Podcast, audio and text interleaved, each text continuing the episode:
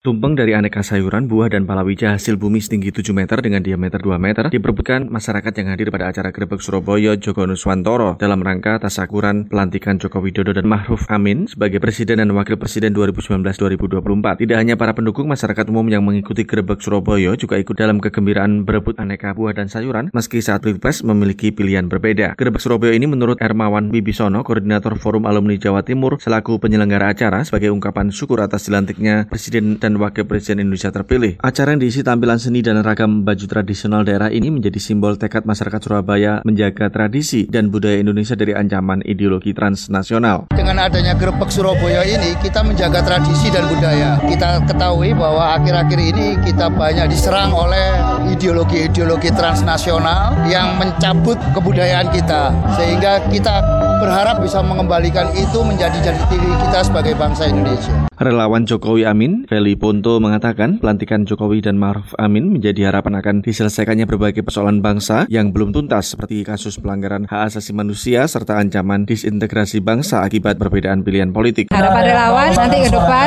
Pak Jokowi lebih memperhatikan masalah-masalah yang kemarin belum selesai, terutama HAM dan ke depan kita berharap semua lapisan masyarakat sudah bisa menerima Pak Jokowi Amin dengan legowo. Feli bersama relawan lainnya menegaskan akan tetap mengawal kerja Jokowi Maruf Amin selama lima tahun ke depan dengan tetap memberi masukan dan saran yang membangun. Relawan kata Feli juga akan satu barisan melawan radikalisme yang semakin banyak terjadi di masyarakat. Relawan akan tetap berada di tempatnya artinya untuk mengawal semua program. Kalau ada yang istilahnya tidak sesuai, nanti akan kami sampaikan. Jadi kita juga mencoba menghadang radikalisme, terutama radikalisme. Terkait Kabinet Kerja periode kedua, Ermawan Wibisono berharap Presiden Joko Widodo menempatkan orang-orang terbaik sesuai keahliannya dan tidak terpengaruh pengaruh kepentingan kelompok tertentu. Kabinet kita harapkan benar-benar zakon kabinet, yaitu kabinet-kabinet kerja yang diisi oleh profesional-profesional yang bisa lepas dari kepentingan-kepentingan apa pun kecuali kepentingan bangsa. Ungkapan syukur masyarakat Surabaya juga ditunjukkan dari ratusan karangan bunga dan ucapan selamat dari berbagai lapisan masyarakat atas dilantiknya Presiden Joko Widodo dan Wakil Presiden Ma'ruf Amin di halaman dan trotoar jalan di depan Gedung Negara Gerahadi Surabaya. Dari Surabaya, Jawa Timur, Petrus Rizky melaporkan untuk VOA Washington.